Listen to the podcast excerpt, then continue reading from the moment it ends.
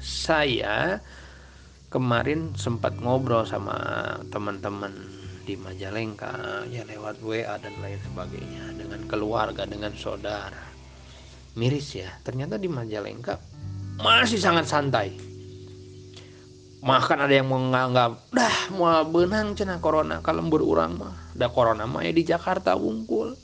Corona mah ya di Bandung wungkul. Corona mah ya di kota wungkul. Aman Majalengka mah nah ini di Majalengka ini masih banyak yang memiliki pemikiran ke sana kayak gitu loh dan ini sebetulnya yang membahayakan Kenapa membahayakannya? Dulu juga kan bulan Januari, bulan bulan Desember, bulan Januari orang Indonesia kan bilang kayak gitu ketika di Wuhan ramai. Mau ada nggak bakalan ada ke Indonesia mah.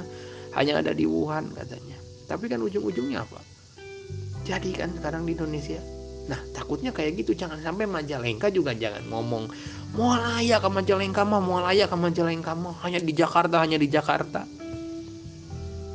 Nauzubillah kalau sampai itu terjadi. Dan kalau terjadi kita belum siap sarana prasarananya.